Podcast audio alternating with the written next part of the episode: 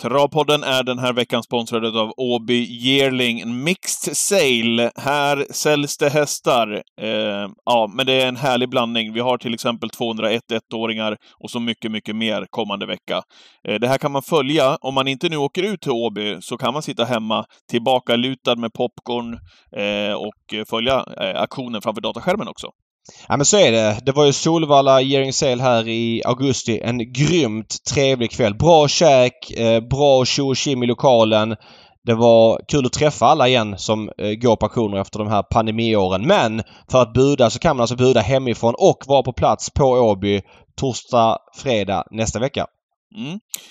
Har du valt ut någon eh, polle till den här auktionen också?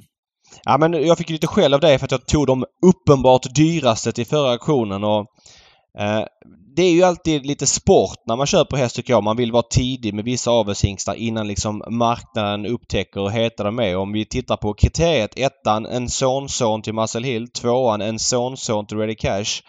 Trean en sonson eh, till eh, Donate Hanover and overhaul då i förlängningen. Så det är snabba generationsväxlingar. Fyran, en Sonson Ready Cash. Så att det är lite nya grejer på gång. Det är samma linjer. Men en jag vill lyfta fram som jag tror mycket på eh, det är Tactical Landing. Eh, Jimmy Taktor sa ju att det var den bästa hästen han har tränat och Tactical Landing med sin stam och sitt sätt att vara och var han hamnar prismässigt. Han borde vara dyrare men eftersom han kom in sent i Taktors träning vann inte Hamburg utan hade sin bästa period på hösten så blir han lite billigare och går lite mer under radarn. Det är en intressant hingst som jag tror eh, än så länge kommer vara ganska prisvärd. Typ 98 Take a Bow. Nu finns det ingen video på just, just den hästen på hemsidan men flera andra har video och bilder. Och där tycker jag man ska ta sig en titt för att få en bättre, upp, en bättre uppfattning om vad man vill buda på.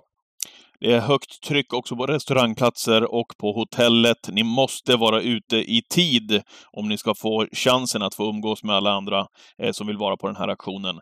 Eh, aktionen ramas dessutom in av V86 med eh, egna aktionslopp, V75 och SM till exempel. det här blir en helg att eh, verkligen eh, skriva in i kalendern oavsett om man är på plats eller sitter hemma. Ja men det är det som är så kul. Man kan kombinera det med bra trav. Som sagt SM nästa vecka på Åby. Don Fanucci Set kommer starta där och sen så är det aktion i dagarna två precis innan. En hel helg i Göteborg helt enkelt. Tack säger vi till vår sponsor den här veckan. Ska det bli svensk seger eller vad är det frågan om? What the horse, what the driver! Då säger vi välkomna till veckans Travpodden. Jag antar David att din telefon har bombarderats med eh, sms-meddelanden efter förra helgen. Min har det också, där de har sagt att du måste börja med att gratulera David till andra platsen i kriteriet med Bengan. Och det är väl självklart att vi startar i den ändan. Stort grattis David! Wow, vilken grej det måste ha varit! Ja, tack så mycket. Jo, men det är klart att jag fick mycket, många som hörde av sig. Man har ju många vänner och halvvänner inom travet och det var många som tyckte det var kul. Sen finns det säkert de som inte tyckte det var kul, men så är det i travet. Det, alla gläds inte med allas framgångar och det är inga konstigheter. Det är som i samhället i övrigt. Um, jo, tack, tack. Det, det, var klart att det var, vad ska jag säga, oväntat eh, på någon vänster. Loppet blev rump, lite rumphugget med galopp på 1 och 3. Var det oväntat, eh, tycker du? också following. Ja. Var det oväntat tycker du?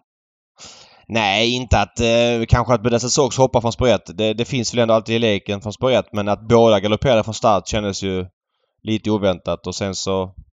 Det är klart att det lämnade gatan öppen för oss och ett par till.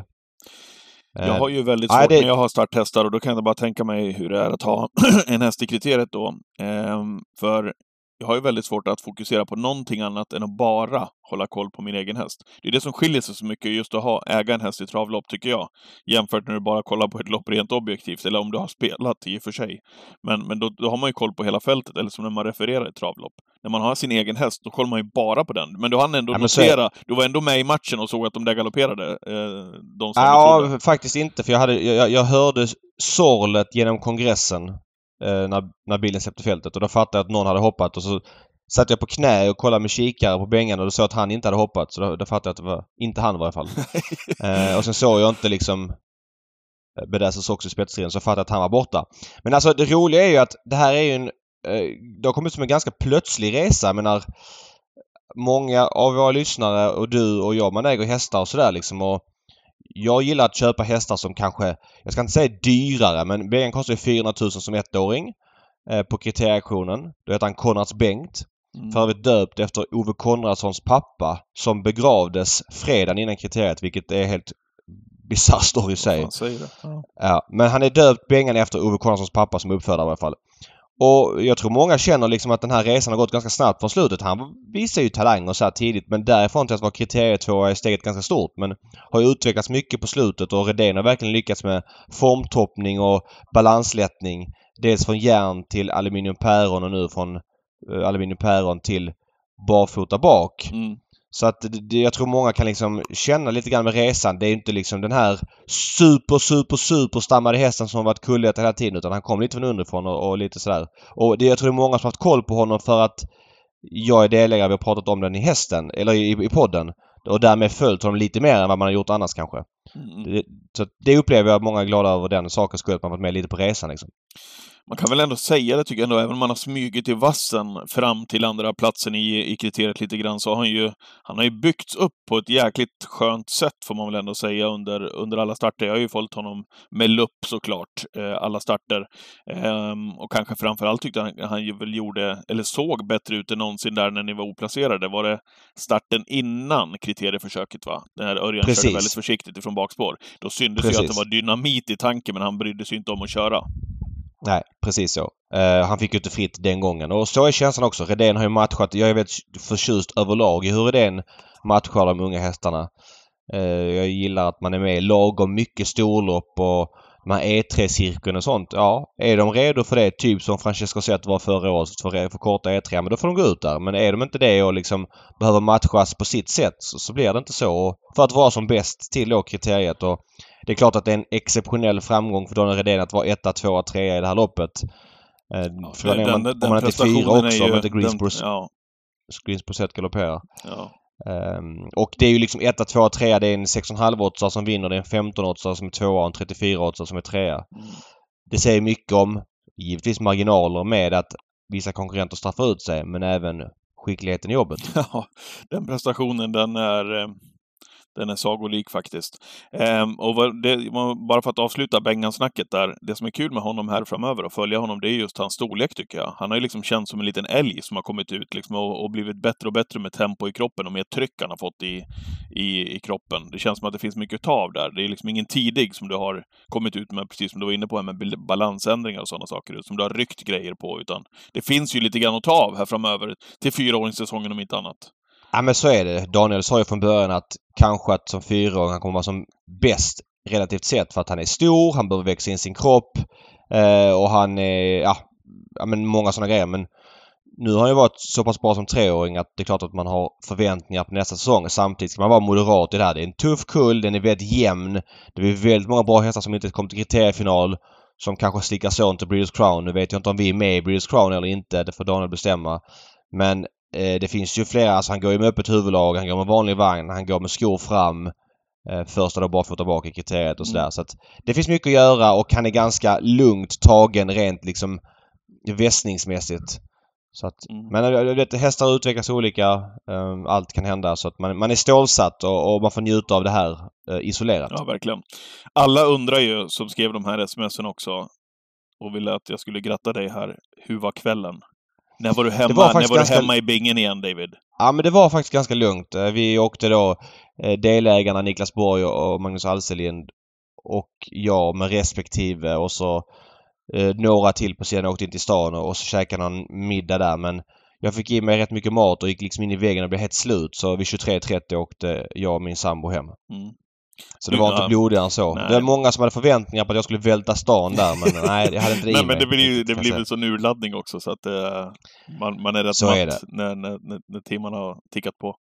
Ja men vad härligt det du, Kul i alla fall. Jag måste fråga dig, du som ändå också, du har ju ändå mer erfarenhet av att äga häst sådär, du har hållit på längre. Vad, det här med att få fram en, en bra unghäst, vad tycker du är det bästa sättet? För att jag upplever det som att ska man köpa en häst av en tränare i många fall då kanske inte tränaren nu generaliserar jag, säljer sin bästa häst utan man kanske tar dem som man tror mindre på i ett skede då hästen kanske är två år. Man har känt på hästen men du som ägare har ingen aning. Så kan det vara. I vissa fall är det starthästar och då är det ännu mer åt det hållet. Det är klart att starthästar också kan utvecklas oväntat och bli superstjärnor men jag tycker ändå eh, chansen är mindre där. Hur upplever du den biten? Ja, men det, alltså, jag vet inte, finns det någon facit? Men eh, jag har ju bara haft en häst som har varit med i, i, i årgångslopp eh, i de allra största tidigare. Jag hade ju andrahandsfavoriten i Kungapokalen till exempel och den köpte ju vi som treåring faktiskt. Jag hade ju lite tur där att vi var eller nära vänner till familjen Oskarsson och de drog ju till USA där. Eh, och då kollade jag igenom lite grann, förstod att de skulle sälja av hästarna som de hade där hemma. De hade ganska så bra framgångar där med ett gäng hästar, eh, Dreamstake Time och ja men ganska så, ganska så många fina hästar här under många år. Och då hade de en häst som hette Don't Tell Me What To Do som jag tyckte hade väldigt bra kapacitet. Nu, nu kvalade han in till kriteriet faktiskt, precis som Bengan. Eh, och vi köpte honom i starten efter kriteriet och det är inte så vanligt. Men jag tyckte att vi fick en väldigt bra prislapp där och där det var ju ingen, det var ingen, han var ju självklart, är man med i kriteriet så är man ju otroligt bra, men det var väl ingen lysande stjärna. Men jag tyckte att det fanns väldigt mycket kapacitet i honom. Sen plockade ju Per Lennartsson fram ytterligare växlar i honom eh, som gjorde att han utvecklades väldigt mycket som fyraåring, var med i Sprintermästaren, var andra favoritkungapokalen som sagt. Vann eh, V75 eh, lopp och så vidare och så vidare. Så att ehm, ja, men det där är så svårt. Alltså att hitta på aktion som ni har gjort, det måste väl ändå vara nöten på något vis. Det är väl ändå det som är kul att kunna följa upp. Nu har ju vi till och med köpt två stycken hästar här som föl. Det är första gången jag gjort, även om vi har liten, ytterst liten verksamhet på vår egen uppfödning. Men vi har ju köpt två föl från Lena Martell på Gotland som är eh, toppstammade. Och att vara med på den resan och följa dem från de liksom går där sina första steg på Gotland fram till de är en tävlingshäst. Det måste ju vara otroligt speciellt. Den resan som ni har fått vara med på Bengan här. Men så, så upplever jag också att köper du en häst som eh, ettåring då är ju variansen väldigt stor och ännu större som föl. Mm. Du ökar ju chansen att du får en riktigt bra häst inom en prisbild som du inte har råd med kanske som två och treåring. Jag menar köpa en bra treåring vad kostar det? Det är ju flera miljoner. Alltså, ja, det är den nu typen är det av hästägande. Ju, ja, men Don't Tell Me What To Do där, den kostade ju lika mycket som du köpte Bengan för som ettåring. Den köpte ja. vi som treåring. Då hade den startat jo, men... kriteriet i och för sig då. Precis, men om du skulle köpt Bedazzled Sox då. Nu går ju inte han att köpa för att det är Lennart Ågren som äger. Men du skulle köpt honom i augusti månad liksom. För att du visste att det var en kulltopp. Mm. Det, det, är ju flera miljoner. Jag menar bara på att... Det går inte. Och, och köper du en ettåring Ja, du kan ju komma in då på en häst som blir väldigt bra bild. Sen har du en jätterisk att hästen inte ens kommer till start att hästen skadar sig, att eh, den växer konstigt och att något inte blir som det ska. Så att ja, vill du ha... Vill du maximera din chans att ha en stjärna då tycker jag nästan att det är bäst om du har, om du har en normal plånbok. Du kan köpa för en häst upp till kanske en miljon med några kompisar. Då tycker jag ändå att aktioner eller ettåringar är bäst. Men du får vara beredd på att baksidan också är ganska stor på de tidiga hästarna. Mm. Ja, nu, nu det är inte många som har den möjligheten. Jag skulle säga det att de här som vi har köpt, vi är ju vi är ett gäng kompisar som går ihop och köper det här, som gör det möjligt. Annars är det ju helt omöjligt för, för mig till exempel att, vara, att köpa sådana fina hästar. Men går man ihop ett gäng och man kan dela upp eh, hästarna i olika andelar eh, så så ökar ju det möjligheten i alla fall att få tag i bra stammade hästar. Så är det Ja men så är det och det är helt, jag har 25 i pengarna. Det är helt perfekt. Mm. Eh, alltså kostnadsmässigt jag har haft hästar själv tidigare. Oliver Pil hade jag själv en period och, och det var ju dyrt. Men kostnadsmässigt är det perfekt med 25% Du är med på uppsidan. Skulle han tjäna mycket pengar i något lopp eller sin karriär som han gjorde nu på ett bräde, två miljoner, så är det ändå liksom en ekonomisk skjuts på ett kul sätt. Du känner av liksom att du har en del. För har man kanske en tjugondel Nej, ja, då är det svårt att känna den ekonomiska vinsten kanske. Så att mm. Då får man ju lägga sig vad man själv har råd till. Men för mig blev 25% perfekt i ägandet. Man är delaktig samtidigt som att man liksom, man liksom inte står med hela kostnaden själv. Nej. Hur tyckte du, vad tycker du? Har du kunnat zoomat ut från Bengan och ha någon form av objektivt Eh, objektiv look på kriteriet i år? Va? Ja, men alltså det är klart att när de galopperar och Santitari får ledningen, Uffe testar för spets. Alltså, eh, jag är ju den största förespråkaren för att eh, kuskar ska tävla och köra i spets. Jag, jag liksom, om, om någon kusk har ledningen och fått den enkelt att svara så har jag svårt att liksom bli upprörd för att man provar. Vi hade ett scenario i Elitloppen när Ulf Olsson får ledningen med clickbait. Erik testar med Hail Mary, Uffe svarar. eh, ja, eh, clickbait, går i ledningen, tröttnar, är väl femma i mål tror jag och Hail Mary tvåa. Förmodligen, nu vet vi inte, vinner kanske Hail Mary Elitloppet om han får ta över där. Mm. Men då hade vi jag hade svårt att bli liksom tycka att Olsson var dålig. Visst, han kanske gamlade bort en andra, tredje plats till förmån för en femteplats. Men han eh, körde för att vinna loppet. Och det är klart att när man har en häst som är inblandad i en sån här körning så blir det ju som att man blir ju såklart... Eh, ja. Ob objektiviteten är vad den är. Det är klart att jag vill att Bengan ska komma till ledningen där. När Erik svarade med att Delaroc var, vad var feelingen? Nej men alltså jag, jag, jag, det var nästan så jag kände... Eh, jag ville inte att det skulle bli någon utdragen körning. Nej. Och jag, jag, jag, var inte förvånad att Erik svarade. Jag förstår att Erik svarar och någonstans, jag menar Erik blir trea nu från ledningen. Om man släpper så är han förmodligen trea också. Svårt att och liksom tycka att det var någon dålig styrning. Det är klart att jag hoppas att Bengan kommer till ledningen för att jag är del, delägare i honom. Men jag tycker inte Erik har något fel. Jag tycker mm. det är uppfriskande att han kör i spets och svarar en stallkamrat liksom. Nu testar inte Uffe jättelänge så att det tyckte inte jag var något konstigt och sen löste sig bra för Bengan ändå. Men äh, jag, jag tycker det där är liksom fine och det är en del av travtävlandet. Nu, nu var ju Bengan en 15-årsare och Antla Rocken 34-årsare. Det finns ju scenarion där man släpper till en mer spelad häst än Bengan och loppen blir förutsägbara. Men nu blev det alltså inte så. Och jag tycker det är liksom befriande att man tävlar loppen. Ja. Vinnaren då, Santis Harvey, som det har snackats om, som har varit en snackhäst från debuten. Eh, det blev Kihlströms val innan det var klart. Och eh, ja, han vann, han vann den tunga, vä eller, tunga vägen, ja, det får man väl ändå säga. Han åkte ändå fram och, och avgjorde därifrån. Ja, nej och han... Eh, Örjan visste mycket väl vad han valde. Man hörde på Redén att den här är något extra. Sen så om man ska sätta sig in i det här i ett större perspektiv. Jag menar, det är klart att en avkomma till Propulsion. Jag menar Redén tränar en häst och tjänar 26 miljoner i Propulsion. Nervsnittningsskandalen dyker upp. Hästen blir av med alla meriter i princip. Eh, folk hävdar, eller vinkeln blir ju att Propulsion eh, var bra för att han var nervsnittad.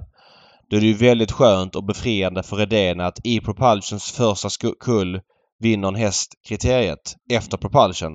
Mm. Det är klart att det är det som smäller högst för honom och det har man ju förståelse för. Blodslinjerna rakt ner, ja, givetvis. Ja, men att Propulsion visar, jag menar att, att han lämnar en kriterievinnare första kullen mm. säger ju mycket om hans kapacitet. Ja. Eh, som häst.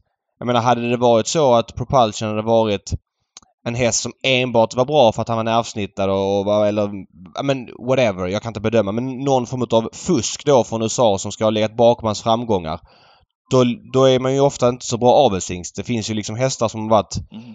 Ja men det är Soloa-hästar som varit dopade. De här Unmek Depré som var trea i Elitloppet 2016 och han hade ju kobolt då liksom.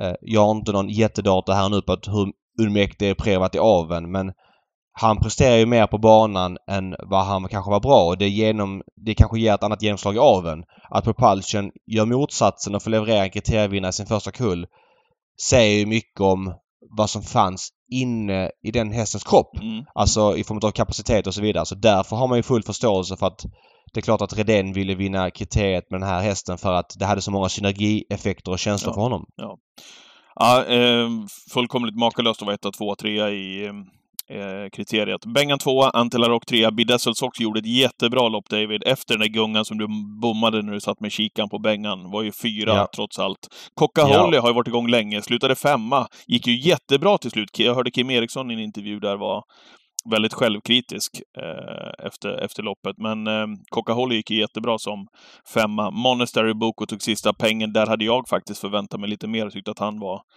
ja, han, han, han kanske gick för bra i sitt försök rent utav. Eh, tyckte inte att det var samma tryck i Monastery Boko.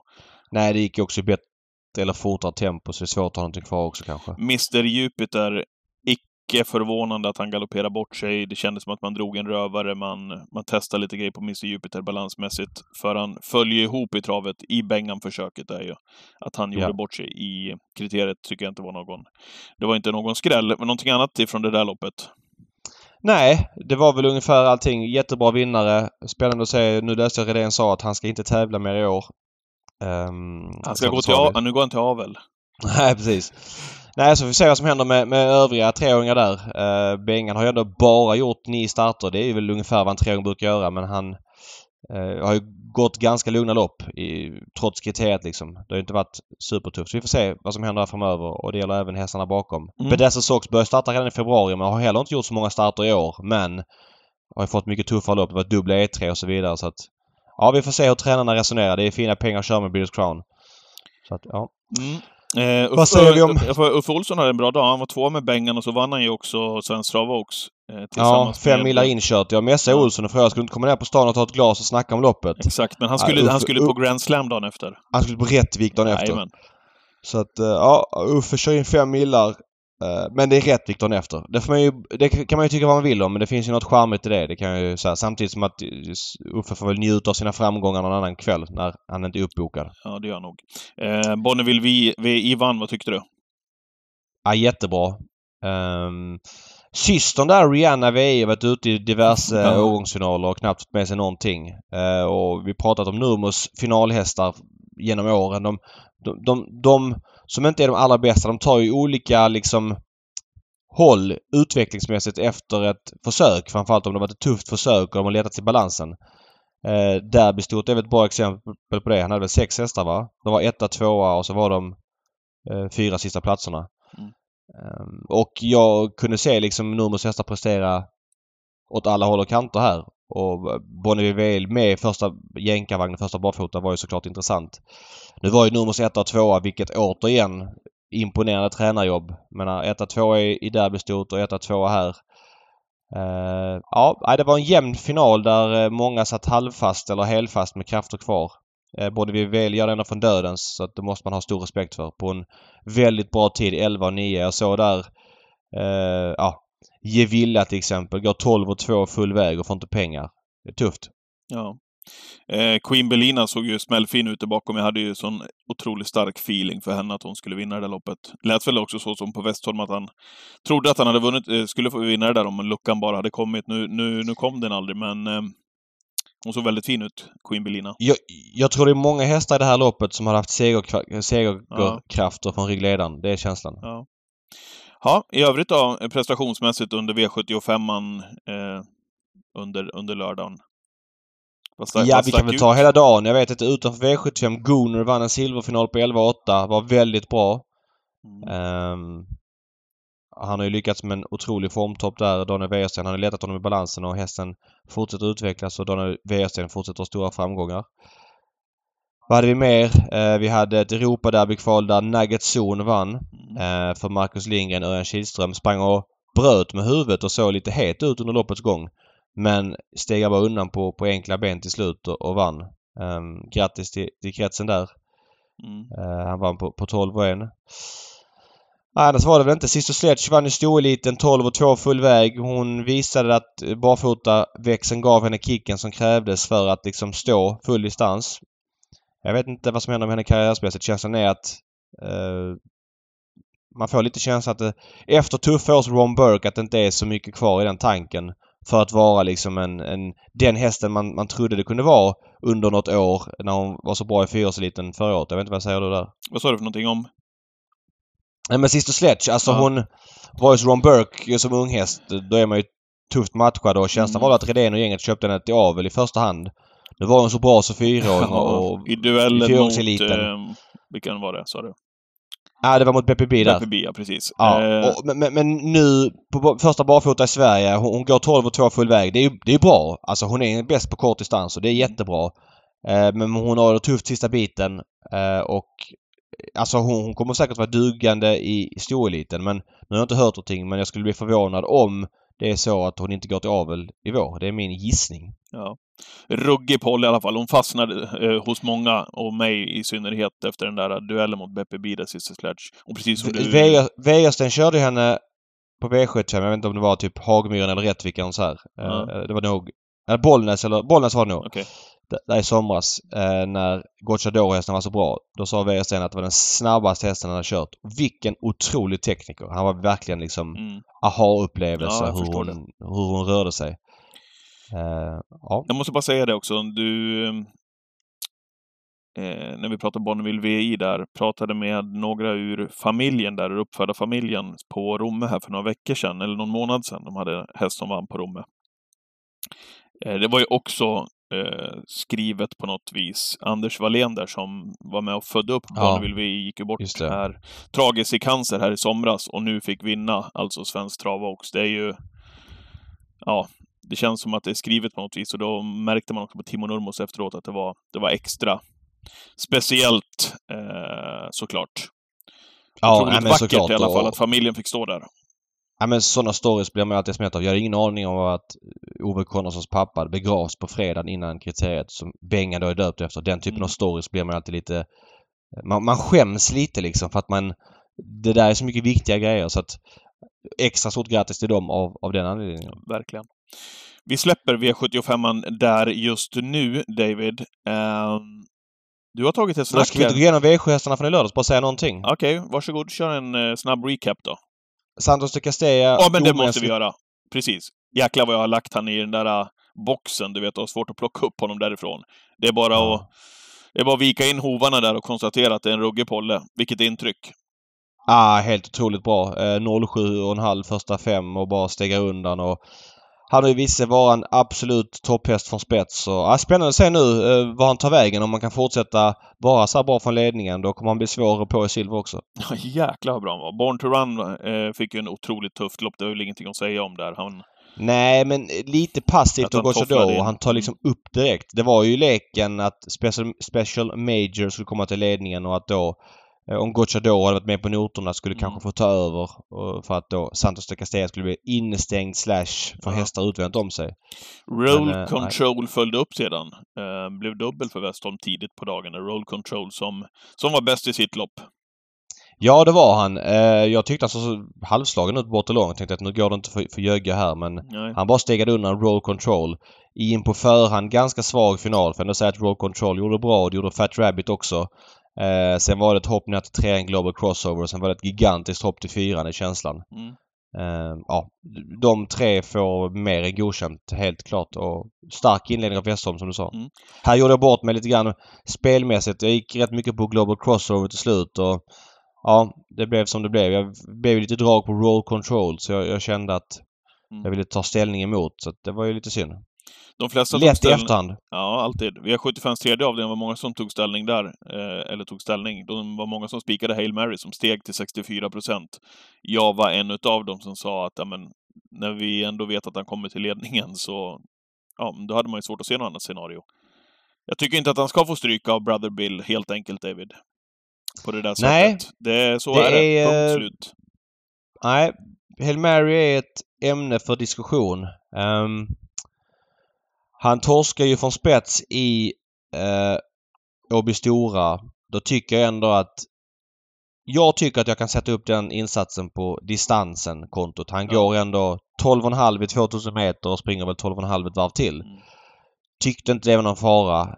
Um, tyckte han så bra ut över mål senast på Hagmyren. Mm. Kände att, ja men, han kanske är tillbaks kanske inte så bra som man... Alltså du vet, han har haft en lång skada ska man veta men, men ändå tillräckligt för att vinna den här finalen och det var som du sa, det var spets i programmet och det fanns ingen jättetydlig utmanare utan det var då liksom att den som fick en bra löpning av övriga skulle vinna. Uh, Hail Mary går 8,5 i ledningen sista 800 enligt X-Labs, ATGs positioneringssystem och Alltså det är ju bra tid att gå liksom. Men, men det är ju inte världsstjärnan Hail Mary-tiden.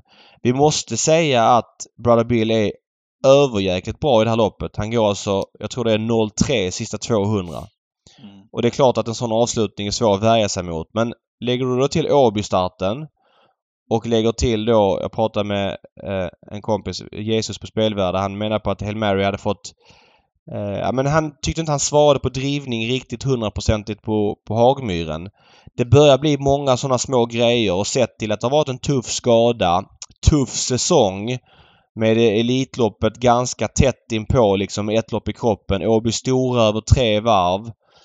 Uh, ja, vi får se lite grann uh, vad som händer med Hail Mary. Jag tror inte de vill tävla med honom om, om han inte kan vara den världsstjärna utan ska han bara vara liksom en bra gulddivision då är det inte aktuellt. Brother att, Bill ska ju inte be om, be om ursäkt. Nej, men vi måste på. kunna hålla isär två tankar samtidigt. Det är ju att Brother Bill är sjukt bra. Ja. Uh, och Hail Mary går som sagt 8 av 5 sista eh, sista 800. Det är en bra tid men han hade ändå fått halvbestämma i spets. mm. lät, jag, jag, jag såg inte sändningen när jag var hemma, men lät ändå som att man inte var helt nöjd med, med värmning och, och uppträdande på hästen. Så vi får se lite grann, följa upp Hail Mary vad som händer. Mm. Um, det var ju någon bit ner till, till trean som är Esprit Sisu. Mm. Uh, men nej, han ska inte, alltså ska han torska då ska det vara liksom med en läpp.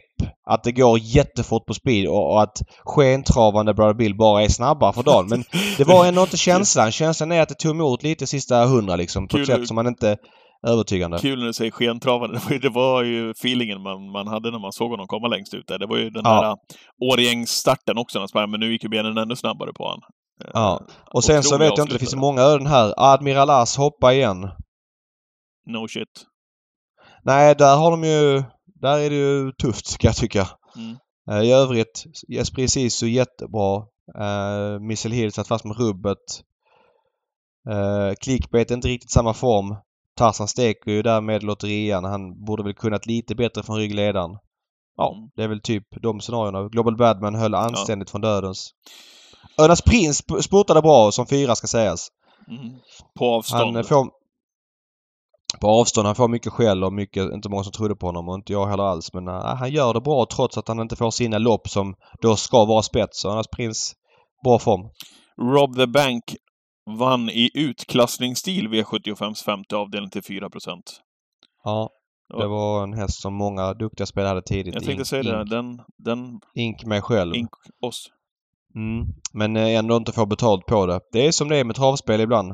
Um, nej, bra styrning av Magnus A. Djuse, laddar rakt in i gröten och får den här bra positionen han behöver i andra utvändet.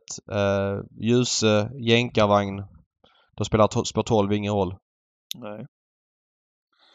Nej, i övrigt var det inte så mycket att skriva hem om i, i just det loppet. Nej, det, det, var, ju det var den här Viva la vida face och kuppen av Valentin Prevost som bara kör till spets varvet kvar. Det är ju kul att det händer oväntade grejer i loppet. Sen ja. så... Valentin såg väl att Viva la vida face inte hade sin dag.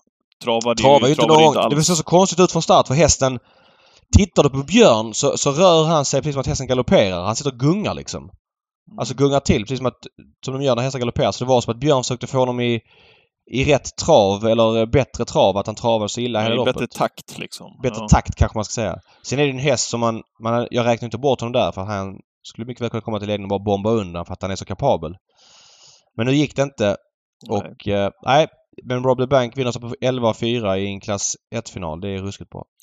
Där hade vi V75 ifrån Solvalla i, i lördag, så jag tänkte att vi skulle ha tagit den efter vi hade pratat med gästen. Men Jaha, men jag ska säga en sak till. Ja. High on Pepper vill jag bara säga någonting om. Jag trodde ingenting på honom. Han vann alltså från ledningen på 13 och 6 och var jäkligt bra för andra veckan i rad. Jag blir jag inte klok skulle... på Katja Melkos hästar. Ena stunden är de Nej. jättebra, andra stunden är de inte alls bra. Nej men så är det. Och det var ju som den här Edima då som blev favorit utanför V75 i storloppet. Kom till spets och bara packade ihop fullständigt. Det är ju exakt så Katja Melkos hästar är. Känslan är väl att de tränar ganska hårt och då får man ju väldigt höga toppar när de är bra. Men också att träna hårt gör ju hästarna lite infektionskänsliga och de tappar formen också ganska snabbt. Så att, mm. Exakt så är det med de hästarna och jag dissade honom av den anledningen. Men eh, det var en ruskig prestation. Mm. Alltså fyra och en kuta den tiden över 3 och 1 är vast. Ja, jag var ju lite ledsen där. Du vet ju att jag trodde mycket på Laredo Boko.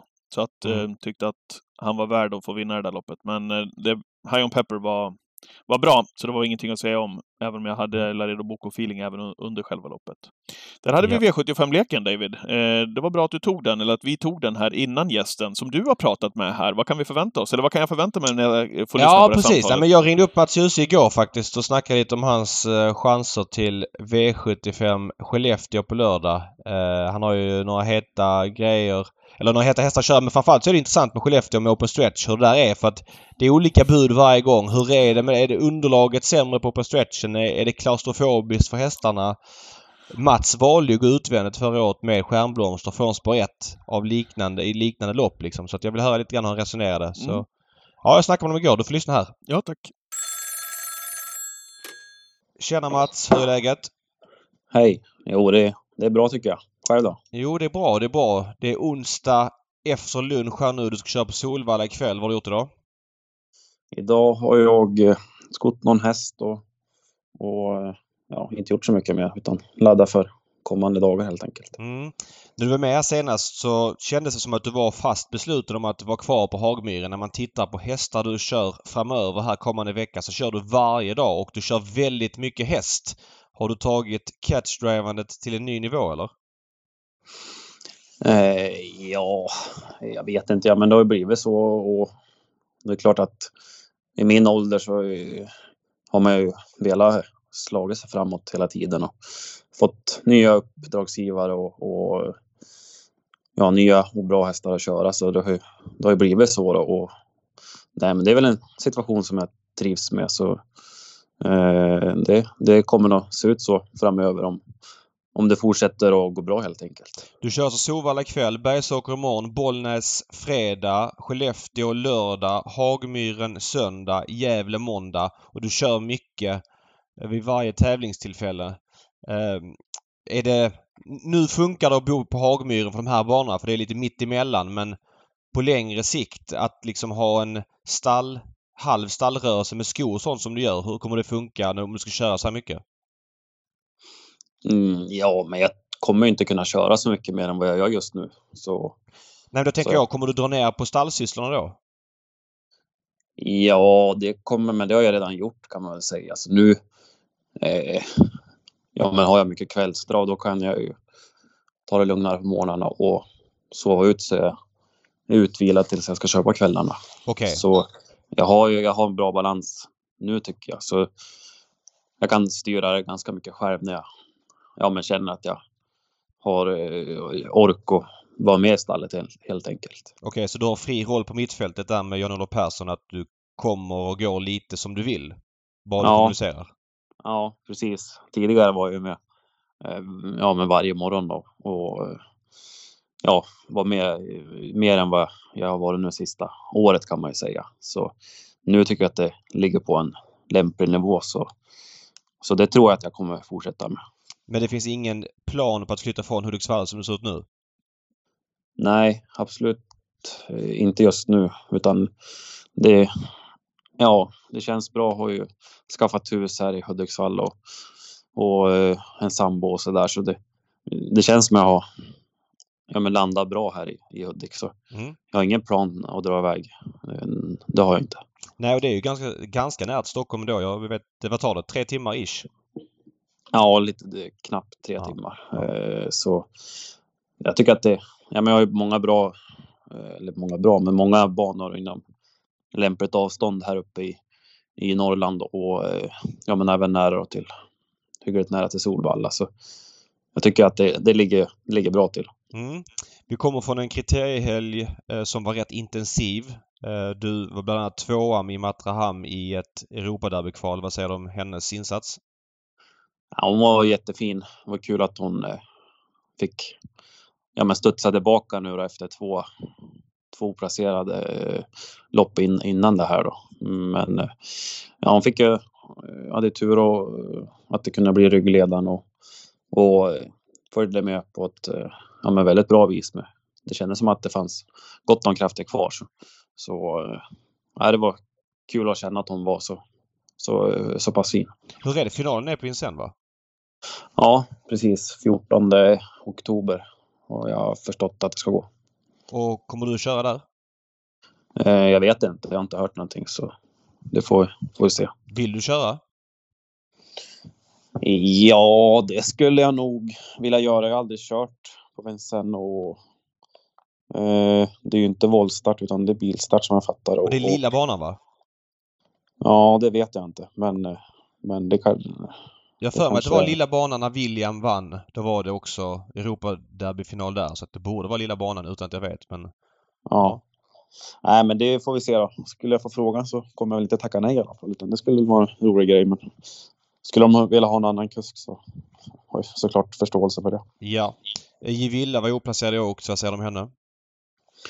Eh, ja, hon, vi hamnade långt bak. Eh, femte utvändigt och hon sprang under 11 sista varvet typ i ja, sista kurvan i tredje spår och sådär. Så hon gjorde väl kanske sitt... Ja, jag tycker hon gjorde sitt bästa lopp hittills och fick inte pengar då så. Det var, det var en jämn final helt enkelt och mötte bra hästar. det hade behövt gått fortare första varvet för att komma in i matchen för våran del när vi satt så långt bak. Det är rätt tufft att springa 12 och 2 full väg och inte få en spänn med sig. Ja, precis. Så det var ju lite roliga ändringar på nu och det följer väl ut men tyvärr så, så satt vi för långt bak då för att det skulle kunna gå att få med sig pengar ändå. Ja precis, det var första barfota. Vad var det mer? Ja, barfota och första rycktussar och första helstängt också. Så, och nej, men det funkar ju bra allting då men det hade ju behövt gått som sagt var fortare första varvet för att komma in i matchen. Fattar. Golden Guard var sexa i Walter Lundbergs, gick 13 och 4. Eh, räckte bara till ett sjättepris, vad säger du om honom? Ja, han var jättefin. Eh, jag körde ju väldigt dåligt eh, med han och gjorde ett felval. 1200 kvar. Eh, så han spurtade väldigt bra eh, till slut och satt eh, fast bakom Versace Face där över mål. Och, ja, han, han kan säkert spelarna hålla lite koll på framöver. Ja. V75 Skellefteå på lördag.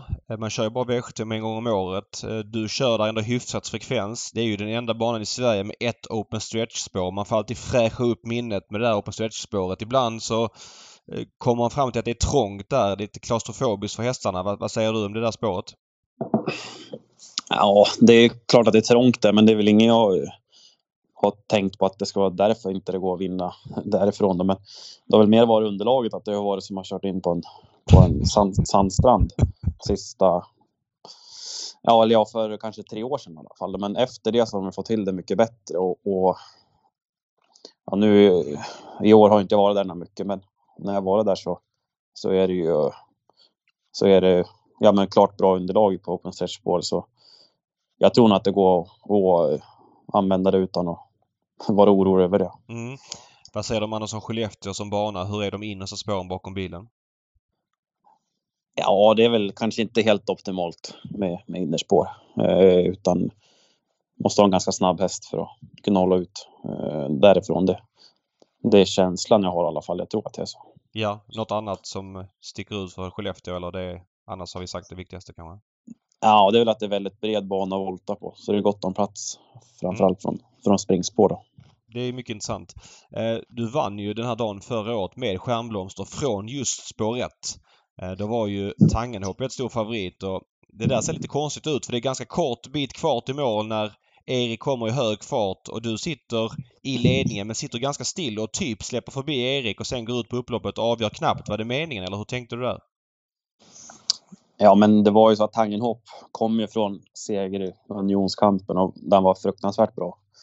Och var ju väldigt stor favorit. Eh, och ja, i alla fall fram till dess så tycker jag väl inte att Stjärnblomster hade varit så väldigt eh, stark mentalt när han fått press på utsidan och så där. Och, och när han kom med så hög fart in i sista sväng då ja, men kändes det, hade väl kanske kunnat svara men det kändes som att hade gjort det så hade hon kanske tappat moralen istället då, och, och ja, men valde att köra för att, för att kunna vara tvåa istället efter eh, Så, så då, ja, det var så det var helt enkelt. Du valde att gå utvändigt på upploppet framför på stretchspåret den gången. Eh, tycker du det är lite enklare att gå till höger ändå trots allt om man har valmöjlighet? Nej, men det var väl mycket för att det var lite extra. Det var lite regn och rusk den dagen och lite extra tungt och såg det ut att vara på open spår så därför valde jag utvändigt då. Men annars kan hon ju kränga neråt lite grann till slut så normalt sett så kanske det är bättre att släppa hon inåt då i banan. Men, men eh, ja, det, det, blev den vägen den gången. Jag fattar, jag fattar. Men vi kommer till henne strax. Hon har spår 1 igen och blir betrodd så att det är ju en, en rolig häst. I V71 kör du 8 Simsaki. Eh, 2140 volt. Hon kommer från lite montéstarter. Kan man generalisera någonting om hur det är att köra en häst som kommer från montéstarter? Mm, nej, det tycker jag inte är något speciellt utan, utan det är som, som vanligt. Det är väl i så fall om de har ja, men rada upp segrarna i monté så kanske det kan vara lite ofta vara lite billigare lopp då, men annars är det väl inget speciellt. Nej. Hur ska du lösa uppgiften här från spår 8? Ja, det är voltstart och och eh, ettan är ju en finsk gäst tror jag, som jag har dålig koll på. Jag vet inte hur den kan uppnå sig där då, men eh, spår 8 känns väl som ett bra läge och vi har ett bra, bra smygläge härifrån. Mm. Du körde 12 Somebody's Destiny för två starter sen. gick väldigt bra efter galopp. Uh, om du, nu, nu har du inte kört Simsaki på slutet här, men vad säger du om den hästen? Ja, Somebody's Destiny var ju... Ja, det är ju, så är det väl att det är oftast lättare att, att få hästarna att springa efter galopp. Ja. Eh, men, men eh, det var ju...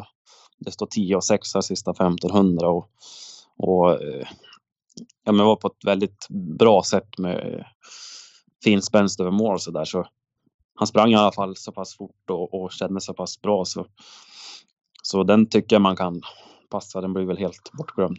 Ja. Eh, nu på lördag från det här läget. Jag vet inte exakt, exakt hur han gick på Hagmyren gången efter men när jag körde så var han väldigt fin i alla fall. Mm, precis. Eh, det var det loppet som Viva La Vida VFS vann senast på Hagmyren. Det var ju ett rätt klent V75-lopp men ja. Uh, men det är invändig resa du tänker dig i första hand med Simsaki utan att såklart allt kan hända, det fattar man ju. Men, men från det spåret spontant? Ja, men det skulle jag väl tro i alla fall. Eh, nu är det tidigt i veckan och inte läst på något mycket inför. Nej. Men, men eh, det, det, skulle jag väl tippa på i alla fall. Det verkar vara en rätt så bra häst som har spår 1 också. Skulle den hålla upp ledningen eller eh, ja, att det skulle bli tredje invändigt för våran del så skulle nog det vara en bra väg. Ja. V72 kör du Roger Nilssons 8 Burn to Notice. Det är bara Roger Nilsson som har kört hästen tidigare faktiskt. Vi var ute i ett kriteriekval senast som Bedazzled Sox vann. Nu har du inte kört hästen. Vet du någonting som vi andra inte vet? Nej, det tror jag inte utan jag har ju bara sett den och, och den har ju sett fin ut. Eh, men nu från spår 8 över 1600 meter. Eh, bilstart känns ju lite det känns ju lite eh, jobbigt kanske att ha. Vi måste ha väldigt mycket tur då från det läget såklart. Mm. Eh, har du någon annan take på loppet här? Eh.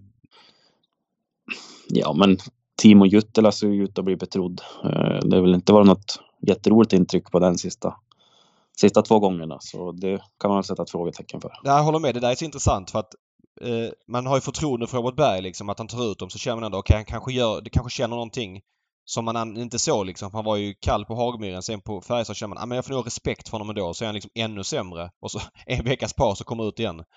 Eh, ja. Eh, avdelningen svårbedömd. Ja, precis. Eh, så det kanske är så att han är jättebra nu då igen. Men, men det, är ju, det är ju klart att det är väl tryggare att rygga en häst som kommer från två väldigt bra prestationer än, än eh, som i det här fallet. Ja men så är det. Så är det.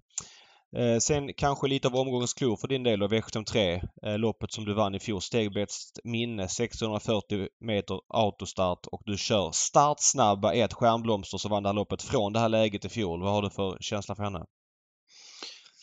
Ja, men känslan är ju såklart väldigt bra. Hon har ju, hon har ju varit eh, kanonfin sista, sista tiden och, och ja, vann ju lätt senast då. Örjan körde i stor-SM men det var ju inte alls den här typen av motstånd utan det var ju mycket billigare eh, hästar mot den gången då. Men, men eh, hon kunde inte göra mer än att vinna och se fin ut så, så eh, det är klart att kommer åka ut med en bra känsla inför, inför det här loppet.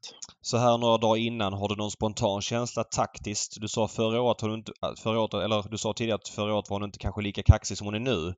Eh, hur tänker du taktiskt så här tre dagar innan?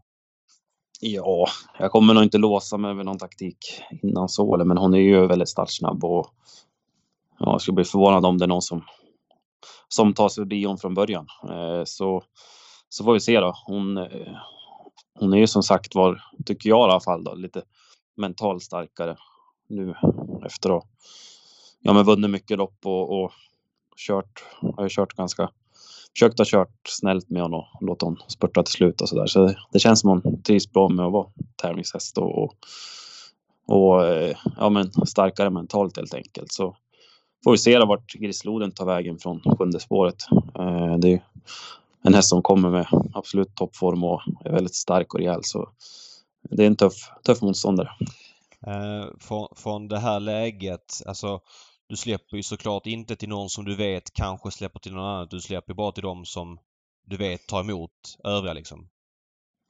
Ja, precis. Har du någon känsla förutom Grisloden om det är någon annan som eh, tar emot honom så att säga? Eh, Nej, det känns ju som att ja, det är väl i så fall är det ju Gorm och Pyden som är fars, först framme och det känns väl inte orimligt att de skulle kunna tänka sig att släppa till Grissloden och så. Så ja, vi får ju se då. Men, eh, men hon är i alla fall i ja, väldigt bra form och, och förutsättningarna är ju bra för vår del. Mm. Så känslan är bra totalt sett? Ja, den är, ja, det är väldigt bra känsla tycker jag. Och du ingen, ingen tveksamhet alls för att dra i vänstertömmen där på upploppet? Att hon skulle liksom känna att det är ja, klaustrofobiskt eller smalt utan du tror hon fixar det? Ja, det tror jag inte är någon fara om det skulle hamna, hamna i den situationen. Testar man det typ i värmning eller provstart innan så här så att hon funkar i linjen och att hon liksom bara försöker vänja henne en gång eller hur gör man? Ja, jag brukar göra det med, med hästarna som, som man ska köra på stretchbanor. Brukar jag åka ner en gång över linjen så de får testa på det. Men det är sällan det är något problem. Nej. Även om inte jag kör något mycket på såna, de två banorna, Åby och Skellefteå. Nej, men man brukar väl testa en gång i alla fall. Ja. Eh, BV Rune brukar du köra. Eh, mötte ju Odd Herakles senast där på Färjestad. Vad säger du om hans status idag? Ja, han håller väl, han gick väl fullt godkänt i Färjestad. Det var, det var väl han som förstörde så inte vi fick luckan på Bergsåker med Stjärnblomster när, när Örjan körde BV Rune eh, i SM då och han inte kunde spurta just någonting till slut. Så, alltså. så Månlycke kunde hålla kvar Stjärnblomster i rygg den gången. Så han, han borde ha varit klart bättre den gången tycker jag i alla fall. Eh, men lite uppåt senast tycker jag han var och, och eh, ja, känns väl inte segeraktuell kanske men, eh, men det är ju en bra häst som kommer vara förmodligen vara med i eliten bra tid framöver. Mm. Eh, V754 körde åt Jörgen Westholm. 1. Ja, Samde tror jag det ska uttalas. Eh, Jörgen har kört den på slutet här. Du har faktiskt aldrig kört hästen. Vad, vad säger du spontant om henne? Ja, men jag har dålig koll på hästen, men eh, Jörgen var väldigt nöjd i alla fall eh, med, med läget och, och hur hästen hade känts i sin senaste start. Och så kanske, kanske lite mer uppåt än vad Jörgen normalt sett är då. Så även om det var när det var anmälningar då, men, men han lät väldigt, väldigt nöjd med hästen så det, det känns såklart bra. Eh, för tre start sen på Axevalla tog ju inte ett steg i, i volten eh, från spår 6. Det är såklart Nej. svårt för dig att bedöma någonting där men eh, hur mycket enklare tycker du 1 är än 6? Just i det uppvändningsmomentet. Mm, nej, det tycker jag inte är någon större skillnad. Alltså, det är ofta jag tänker om det är snävt när du vänder upp från sjätte att de ibland kan ta galopp direkt, att de inte hoppar i trav. Att du kommer med lite mer fart i själva liksom vändningen från ett. Ja, men jag tycker nästan att ofta kan det vara lättare från springspår att få dem kliva iväg i första stegen. Men, men eh, Jörgen var väldigt nöjd med ett i alla fall, så antar att det, det är det optimala då. Eh, just i det här fallet. Mm. Intressant. Du sa tidigare att bred bana. Det gynnar alltså spring, springspåren generellt sett. Du tycker inte att du gynnas av det här? Nej, inte från spår 1 utan spår 1 då gynnas man ju hellre från en smal bana. Ja, precis. Där springspåren får sämre med plats. Så, så eh, jag vet inte hur snabb häst eh, Marcus B. Svedberg har från sjätte spår där, men, men eh, det är klart det är optimala förutsättningar för han med, med ja, inga bakspår och han kan ta ut volten exakt som han vill och som sagt var bred bana och, och starta på så femman borde inte behöva ja, men stå lite grann i vägen utan han borde ha plats att skicka iväg då. Så, så eh, utan att veta hur snabb den är så, så eh, klart att det så, han har ju fått ett bra läge med, med sin häst. Mm. V75 kör du inte i. Real Lavec blev omgångens största favorit. Eh, har du någon take på loppet? Ja, han, han måste väl ha... Det går väl inte att ha så mycket bättre förutsättningar än vad nu. Han går ju ner väldigt mycket klass och Sport 3 över 1600. Eh, Sport 3 tror jag passar perfekt på Skellefteå. Han spetsade jubileumspokalen senast mot helt andra hästar så svårt att se hur, hur han ska förlora. Aldrig galopperat i autostart heller. Uh, nej, det känns... Nej. Det skulle vara, jag vet inte, det är, skulle vara om det är den här pausen som har gjort kanske att han har tappat lite form. Det är inte, men, men han borde kunna vinna med 85 i form i känslan. Ja, ja, exakt. Han kan ha tappat en hel del i form och även vinna, eh, vinna ändå. Han går ju som sagt var ner mycket klass nu. Mm. Eh, V76 kör du tre Pretty Devil i. Eh, en häst som du inte brukar köra. Vad du för take där? Nej, men jag har inte kört den men eh, fått lite rapporter att, att den ska vara, vara bra. Då. Den har vunnit nio lopp på 14 starter i år. Så det är klart att den har väl varit ute i lite billigare sammanhang men, men eh, det är en bra häst om det. Hon vunnit så mycket lopp under samma säsong. Jag kan ju säga från sidan att det är ett jävla kuskplus att du kör mot vad som har körts tidigare. Jag vet inte. Kanske svårt för dig att kommentera men mm, känner man så ibland kanske att oj den här kommer nog kunna väcka upp om man kan säga så? Ja, jag vet inte men han har ju gått fyra lopp i eller senast kanske han var ute i Finland. Mm. Ja, ja, men men jo, men så kan det väl vara i vissa, vissa fall. Nu är det ju någon ja, men, hyggliga kuskar som Ja, Ove har kört. Han är väl... Ove Hans Christian Holm och sådär. Så det är väl inte... Det är, det är inga som kör tio lopp om år om man nej, säger så. Nej, så, nej, så, så det är väl... Det ska bli en spännande häst att köra i alla fall. Eh, för det kommer ju med bra form som det verkar. Mm. Hur ser du på propositionen annars? Det här är ganska kända hästar de som står på tillägg och så vidare. Vad, vad, vad känner du rent spontant i det? Eh, ja, klart att klart att Selmer IH kommer ju kommer sitta eh, ja, men förmodligen ganska bra till. Det är nio hästar på start så, så eh, ja, han kommer ju ha något, något tack framför sig kommer han ha starthästarna förmodligen. Eh, så det, det, det är väl en fördel för han men eh, ja, det är bra hästar på 20 också så, så det känns väl som, som ett ganska så öppet lopp på förhand. Öppet lopp och väldigt roligt spellopp faktiskt. Ja, ja. Eh, V757 eh, blir tre Fabulous Fellini favorit. En häst som du körde för fyra starter sen. Det var nästan fusk när du fick köra det i lärlingsloppet på Boden. Hon vann väldigt enkelt då. Stod 1,29. Vad känner du henne? Ja men en, eh, en häst med väldigt fin styrka och hade ju varit bra inför det och gått bra efter det så det är ju det är en väldigt bra häst helt enkelt. Så den har ju, hon har ju fått har ju fått bra, bra eh, startspår och, och de bästa hästarna har väl kanske fått bakspår då, Melby Åker och Devils Tang eh, som är värst emot och Beat Generation från spår 7 så, så eh, förutsättningarna ser bra ut för Fabulous Blini. Det känns som att hon missade väldigt mycket pengar som unghäst och därmed står ganska billigt in i klasserna fortsatt. Nu, nu var det loppet du körde henne i kanske extremt billigt men eh, kändes det så också att den här hästen kanske är helt fel klass när du körde den? Ja, precis. Det känns väl som att hon har ju lika gärna kunnat vara i storeliten om hon hade haft, hade haft lite mer tur under, eller tur, men att det hade stämt bättre under första säsongen i karriären. Mm, mm.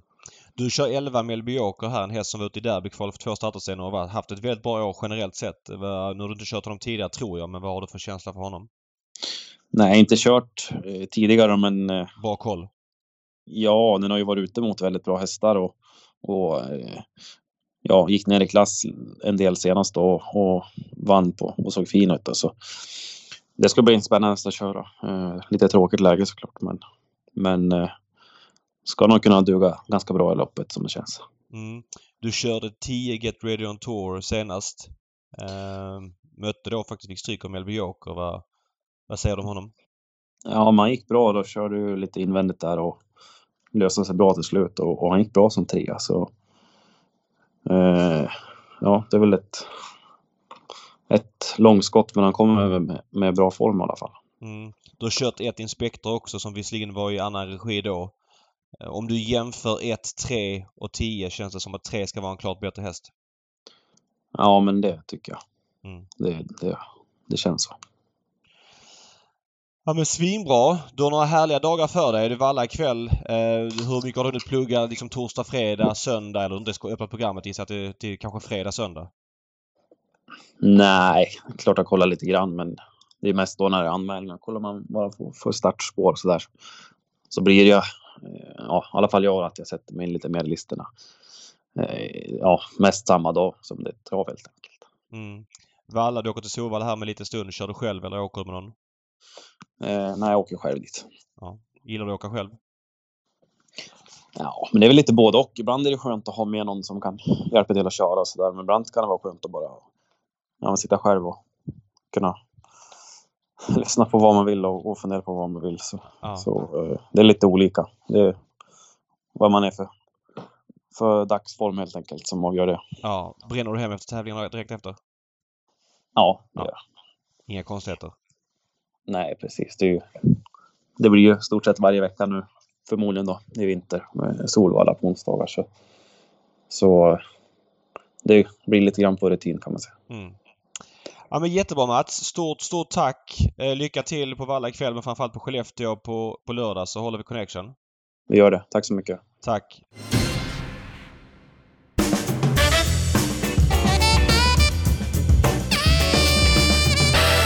Där hade ni Mats Djuse. Eh, mer V75-snack blir det på lördag, David, i vanlig ordning. Mm. Twitch 13.00 till 14.00. Då lägger vi leken. Ja, men det var en ganska du, rolig du, omgång. Du får säga har... det här. Du får säga det till alla som är med på Twitchen här. Du får ta de här samtalen med Örjan Kihlström och Erik Adolfsson innan eller efter vår Twitch. Du glider ju ja. iväg i Twitchen där när du får det här senaste nytt. Det tillför ju väldigt mycket, men du får säga till Kilas att de ringer innan. jag brukar ringa, ringa Örjan tidigare än så, men nu ringde han upp för att ja, det var valla och, och lite annorlunda schema för honom. Um, ja, det tillför ju ändå info i twitchen verkligen. Ja, det får man säga att det gör. Mm. Uh, nej, men 13 till 14 kör vi. Uh, ja, men det är ganska rolig omgång. Vi har ju Ridley Lavec som kanske står med tre ben, ben i mål, men i övrigt tycker jag det ser ut som en uh, omgång där det kan hända saker. Mm. Så att jag gillar Skellefteå på hösten. Ja. Det finns något härligt i det. Ja. Eh, ni hörde vignetten alldeles nyss till eh, veckans hiss och diss. Eh, varsågod och dissa David. Vad ska du ta? Ja. Jag var ju på Solvalla i helgen, hade en grym dag. Eh, jättebra allting. Det var en, ja, men en härlig publikupplevelse överlag. Det kändes som mycket folk, bra eh, stämning i restaurangen och så vidare. Men jag hade med mig lite, ja men vi var ett stort gäng liksom och många där som eh, visserligen hade ett par av dem biljett till eh, kongressen som de då hade köpt med mig så att det var bara att visa den i luckan så kom man in. Men ett par andra skulle då köpa biljett själv via då det här Tixter-systemet och jag tror vi måste landa i att det här inte funkar. Det här måste bytas ut. Systemet eh, är inte publikkompatibelt. Eh, SD och banorna säger då att de får in jättemycket data på kunder som de kan kommunicera direkt med och säga eh, Titta vi kör V70 om två veckor bla bla bla och så får kunden reda på det. Ja jättebra men det funkar ju inte i praktiken för vi har ju mindre publik än någonsin på travet. Och det här har bara funnits sedan pandemin och folk tycker det är jobbigt att hålla på och ladda ner biljetten och fylla i de här grejerna när de ska in på banan. Jag hade en kompis som inte har personnummer i Sverige. Ja men då blir det jättemycket bökigare. Alltså Tixter-systemet är inte eh, publikkompatibelt. Det är en tröskel för många och det här är människor som säger att men, jag fattar hur man ska göra men när man kommer där glad i hatten och ska in på Valla och ställa sig fem minuter och lösa det utanför. Det är ingen bra upplevelse. Jörgen Westholm var inne på det på sin krönika också att det här är bara att inse att Folk gillar inte det här. Men man måste ju fråga kunderna vad vill ni ha? Jag har inte hört en enda person som säger Åh det här med Tixter det är suveränt bra. Jag tycker man ska göra om och göra rätt och steka hela det här alltså, förköpssystemet alltså, du, för att du, gå på trav. Du måste kunna ha ett förköpssystem. Eh, jag bara tänker, vi har matcher hemma ikväll mot Örebro. Eh, vi har ett förköpssystem, vi har ett biljettsystem som heter AXS. Jättesmidigt för folk att de kan gå in och boka sin biljett, de kan till och med köpa en biljett och ja, men, eh, ha den i sin lur. Det blir ganska smidigt, undviker köer när man ska in och så vidare. Men! Alternativet måste ju finnas, att du kan, även kan gå in även utan det. Det är väl jättebra om vi kan lagra upp eh, så att man kan skicka erbjudanden till dig när du ska på trav och du vill gå med Siri och ta med dig kidsen. Att det finns ett sådant system också i bakgrunden. Så det ena, behöver inte utesluta det andra, men du måste ju också kunna komma dit spontant och betala i luckan ja, och, och säga du, att här, men, du, eh, precis som man kan göra när man kommer hit då ikväll på, på våran match här. Vi har ju ett biljettsystem där många kan, som många kan använda. Eh, det är till exempel företagare som tycker det är suveränt. Man köper till sin personal och så vidare, skickar ut biljetter. Det är väl jättebra. Man kan komma när man själv vill, man behöver inte komma i samlad trupp och så vidare. Men alternativet måste ju finnas, att du kan göra spontanköp och komma in. Och det finns ju alternativ på travbana. Det är ju, det, problemet är bara att de tar dubbelt så mycket betalt då. Mm. Att vill du inte köpa Nej, en Tixter-biljett innan så, Nej, så kan inte. du köpa på plats och det är dubbelt så Nej, dyrt.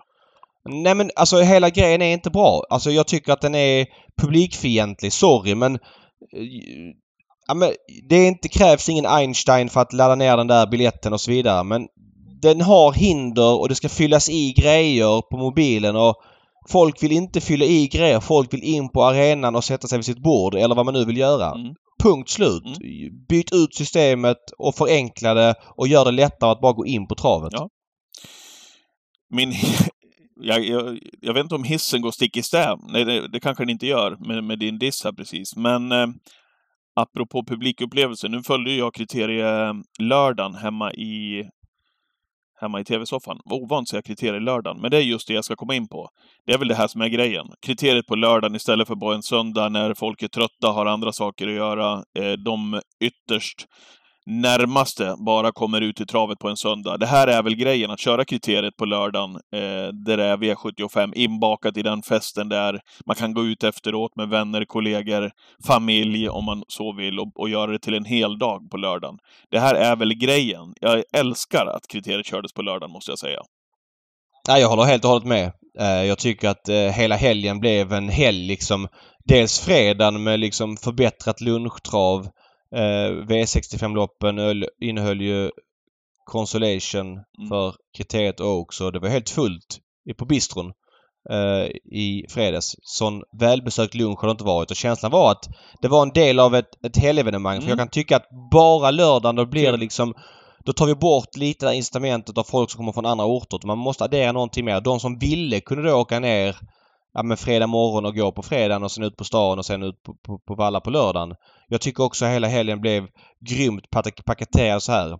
Jag vill, vill verkligen särskilja en sak. Jag har ju, vi har pratat ibland om att dubbeltravet har försvunnit. Det vill säga fredag kväll eh, och lördag då liksom. Ja. Eh, Stenby sa att det var inte lika intressant och Stefan Eriksson menar på att ja, de körde ju sin lunch på fredagen den första juli. Sen den andra juli har V75, inte kvällstrav. Jag tycker det är lite skillnad när det kommer till en stad med större utbud. Om jag ska ner på Åby Stora Pris och de kör en lunch på fredagen istället för kvällstrav. Då tycker jag att det finns så mycket mer utbud i Göteborg av att gå på lunchen på fredagen, hitta på någonting på stan och sen gå på travet på lördagen.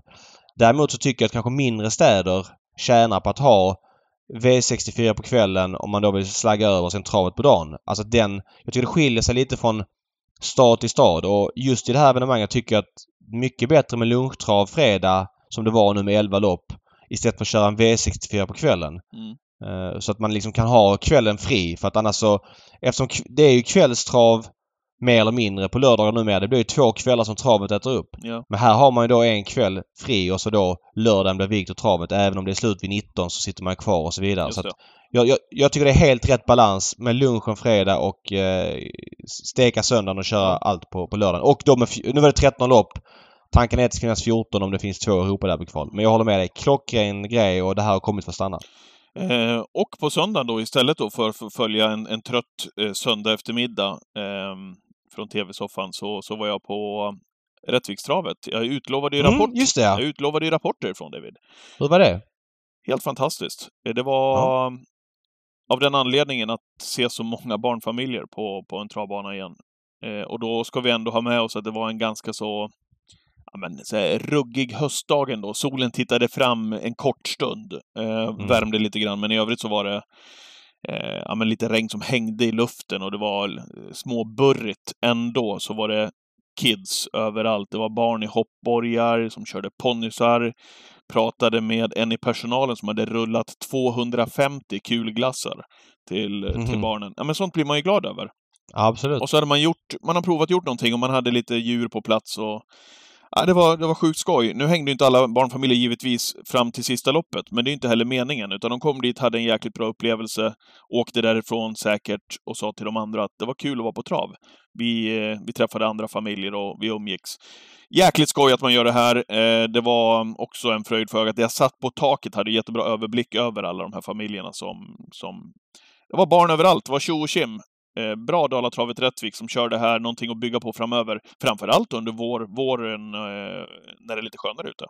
Mm. Nej, och det var 4 500. 4492 på Valla på lördag. Det får jag se som en godkänd publiksiffra sett till de tiderna vi befinner oss i nu. Mm. Där har vi det.